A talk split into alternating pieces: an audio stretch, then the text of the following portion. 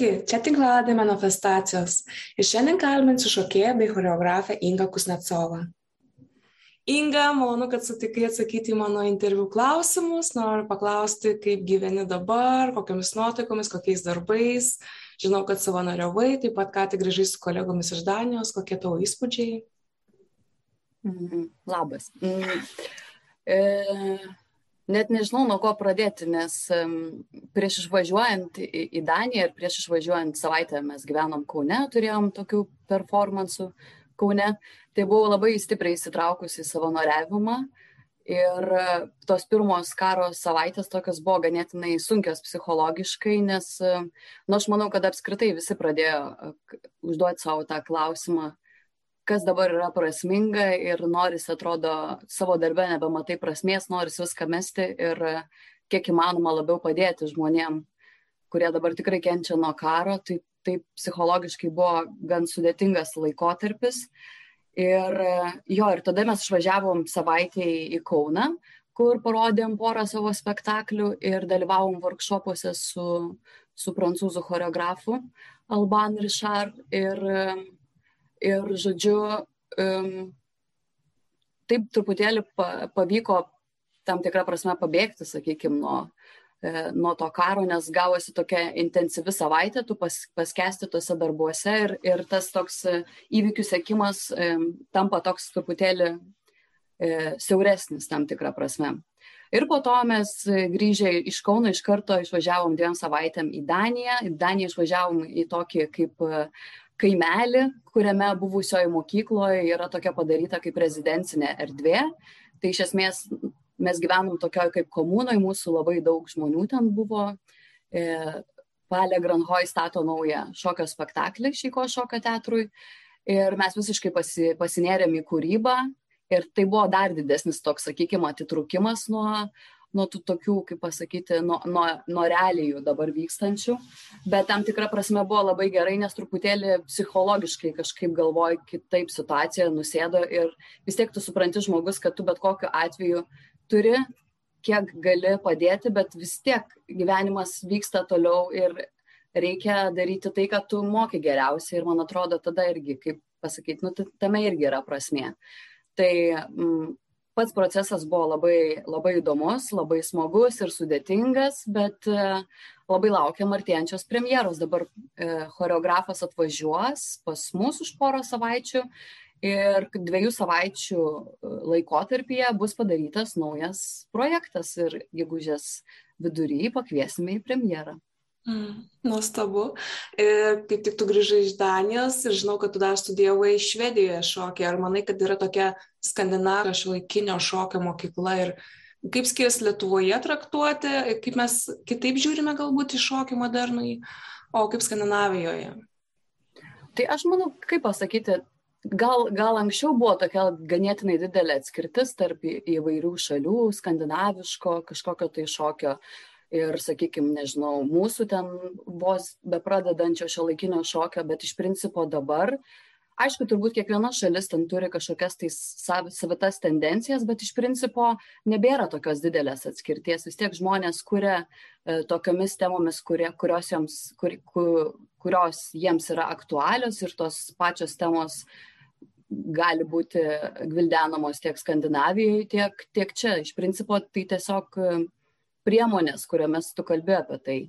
Tai nežinau, net nelabai galiu sakyti dėl to, kad e, labai su skirtingų šalių choreografais dirbame ir kiek, kaip pasakyti, čia daugiau net nekalbėčiau apie kaip kažkokį skandinavišką kitoniškumą, bet iš principo tiesiog apie kiekvieno choreografo pasirinktas formas ir dalykus, apie ką jie nori kalbėti iš principo. O Švedijoje e, buvau labai seniai, Švedijoje studijavau 2007 metais, tai ten aišku man buvo visai kita patirtis, aš nuvažiavau ten dar visiškai žalia, būdama su to šio laikiniu šokiu buvau vos vos susipažinus. Tai aišku, tai buvo e, smagi patirtis, bet, e, bet, e, bet tai buvo tiesiog labai seniai. Tai net sunku būtų dabar kažką kalbėti apie tai. O ar atsimeni, kaip šokis atsirado tavo gyvenime, kokia aplinka tave suformavo, ar buvai visada kūrybingas vaikas? Aš manau, kad kaip e, didžioji dalis vaikų visą laiką būdavau tokia, kaip pasakyti, judri, aktyvi ir mėgdavau šokti nuo pat mažumės, tai tai ir darydavau ir kažkaip ganėtinai tiksliai ir anksti žinojau, kad čia tikrai norėsiu sėti savo gyvenimą su šokiu, bet uh, Bet e, paauglystės metu mane tėtis buvo perkalbėjęs, sakė, ne, ne, nu baig, tu ką tu tai šokis, taigi neišgyvensi iš to, aš suprantu, tai tavo gali būti hobis, tai yra labai smagu, bet, e, bet tu pamastyk, nu, galvok ir apie finansinę pusę, kad tu neišgyvensi niekaip iš to. Tai iš tikrųjų, iš tikrųjų jis mane buvo perkalbėjęs ir aš toliau šokau vairiuose būreliuose, lankiau e, Šilutį į meno mokyklą, bet bet kažkaip tikrai nema, nemaščiau, kad e, stosiu į choreografiją. Bet tada kažkaip likus e, keliam mėnesiam iki stojamųjų, man atrodo, aš pamačiau interviu su Agnija Šeiko mm. ir kažkaip vėl taip man jis sukilo tam tikrai jausmai ir taip supratau, kad, na, argi aš dabar sėdėsiu kažkokiam ofise ir darysiu kažką, kas, kas yra ne visai aš, Tai kažkaip apsisprendžiau, tada pradėjau ruošti stojamiesiems ir visgi įstojau choreografiją. Klaipėdai. Mm. Taigi paminėjai Šeiko, o kokie yra dar kiti tavo šokio mokytojai, gurų, autoritetai Lietuvoje ir užsienyje? Aš net nežinau, nėra, kaip pasakyti, nėra kažkokių ten didelių gurų galbūt, nes, e, ta prasme, yra asmenybės, kuriomis žaviesi, bet jie nuolatos kinta. Ta prasme, man atrodo, kaip mes kiekvienas augam, taip e, automatiškai kažkas tau kitkas pradeda patikti. Tai nėra taip, kad aš kažkaip esu įsikabinus kažkokį tai, nežinau, ten šio laikinio šokio ar šiaip kažkokią tai meno dievaitį. Nu, man labai patinka daug įvairių, daug įvairių skirtingų asmenybių, taip kad negalėčiau pasakyti ar išskirti kažkaip konkrečiai vieno. O mokytojai, tai labai daug mokytojų, sakykime, mane kaip asmenybę formavo, tai nežinau, čia galima vardinti labai daug jų, pradedant e, mano pirmąją šokio mokytoją, kuri e, e, yra iš Šilutės ir Judrė Railinė, kuri vis tiek mane išmokė, kaip, kaip daryti tam tikrus, kad ir baletų žingsnelius ar panašiai. Ir toliau, aišku, sekė ta pati Agnija Šeiko ir daugybė kitų ir ten sutiktų vairiausių choreografų. Ir čia tiesiog yra taip labai galima plačiai apie tai kalbėti, nes galima kalbėti apie autoritetus, tau, kurie yra kaip kuriejai, bet galima kalbėti apie tuos, vat, kaip, kaip, kaip tu mini, pavyzdžiui, ten mokytojus. Tai tokius, sakau, mokytojų nuolatos sutinku. Paminėčiau tą patį Albaną, sakykime, prancūzų choreografą, kuris, e, kuris e, man tikrai kaip mokytojas davė tokių labai kaip pasakyti, naudingų pastabų ir aš pati labai jaučiu, kad daug išmokau dirbdama su juo, o dirbau su juo tikrai ne vieną kartą ir jis ne vieną spektaklį yra, kaip sakant, su mumis pastatęs. Bet čia yra labai daugybė tokių žmonių, tai iš principo čia reikėtų užtrukčiau, kol e, visus prisiminčiau ir visus įvardinčiau. Mhm. O tu dar jauti scenos baimę ar nerimą jaudulį prieš pasirodymus, kaip kovoji su tuo? Čia toks apskritai yra e, jaučiu labai didelę scenos baimę kas kart lipdama, o, sakykime, dabar pavyzdžiui, irgi galiu kaip pavyzdį duoti e, principą, su, kur, su, principą, kuriuo dirba tas pats e, Danų choreografas Palė Granhoj, kur e, kiekvieną dieną, mes žodžiu buvome dvi savaitės e, tam kūrybiniam procese ir kiekvieną dieną turėjom paruošti kombinaciją šokio. Ir tenai aš išgyvenau dar kartelį tokį kaip e, egzaminų pojūtį, dėl to, kad e, kiekvieną dieną tu ateini ir tu turi sukurti kombinaciją šokio, kurioje e, atsispindėtų meilės daina, tu panaudotum kažkokią tai, sakykime, veido išraišką ir kažkokią tai garsą. Ir principas yra toksai, kad visi šokėjai susėda prieš tave, yra choreografas su kamera, tu atsistoji ir tu du kartus turi sušokti tą kombinaciją nu, kaip nesuklysdamas ir, nu, iš principo turi vieną šansą. Aišku, ne visada tai pavykdavo, bet, e, bet kojos, rankos dreba ir tu jautiesi kaip pirmokas. Tai čia toksai, nu, tu turi su savim nuolatos kovoti, ar tai būtų va, toks kūrybinis procesas. Čia net nėra, kad mes einam į sceną iš karto, čia yra tiesiog kūrybinis procesas, bet e, nu, yra ir tokių nepasitikėjimų savimi, ir, e, ir kažkokių tai baimių, ir tam tikrų net kompleksų. Uh, nes tu vis tiek kiekvieną dieną tu kuri, tu kažką iš savęs bandai ištraukti ir matydamas tos pačius kolegas, kurie nuostabiai juda, tai tu taip kartais ir savim nepasitikė. O kalbant e, apie ėjimą į sceną, tai nuolatos yra tas jaudulys, ir, bet reikia aišku tų kažkokių pirmųjų minučių ir tada taip nurimsti, nurimsti ir tada jo jautiesi drąsiai. Bet šiaip tai jo yra tas scenos baime toks, toks ir ganėtinai baisus ir tuo pačiu toks itin jaudinantis dalykas, tas toks adrenalinas. Tai patinka man tai. O kokias emocijas tau yra lengviausia ir kokias sunkiausia atskleisti ant scenos?